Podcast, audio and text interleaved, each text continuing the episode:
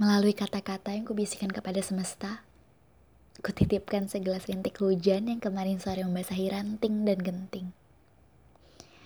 Aku selalu mengingat bagaimana engkau bercakap-cakap dengan ditemani secangkir coklat panas bersama denting piano yang dimainkan melalui radio tua di atas nakas. Engkau berbicara tentang mimpi-mimpi, kemudian berapi-api dalam kemarahan akibat orang-orang yang mulai kehilangan acuh untuk bahkan sejenak berempati kepada mereka yang merintih dalam lapar dan kemiskinan. Ya, ya Tuhan, masih dekap setiap perbincanganmu, semua kilasan kebersamaan yang dulu pernah menjadi teman di antara aku dan engkau. Aku bahkan masih mengingat senja yang kau titipkan melalui tukang pos yang tak sengaja kau temui di ujung gang itu.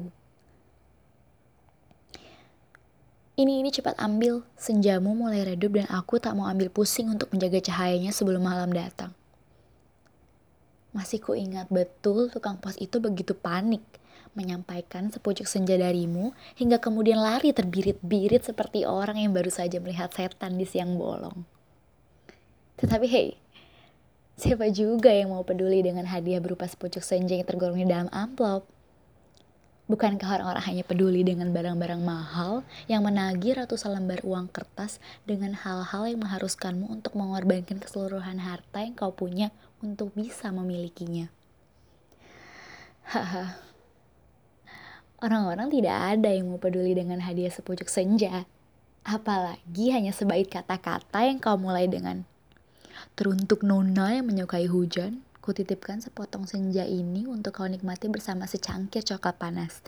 Juga denting piano yang akan menemanimu dalam melalui detik-detik sebelum malam tiba.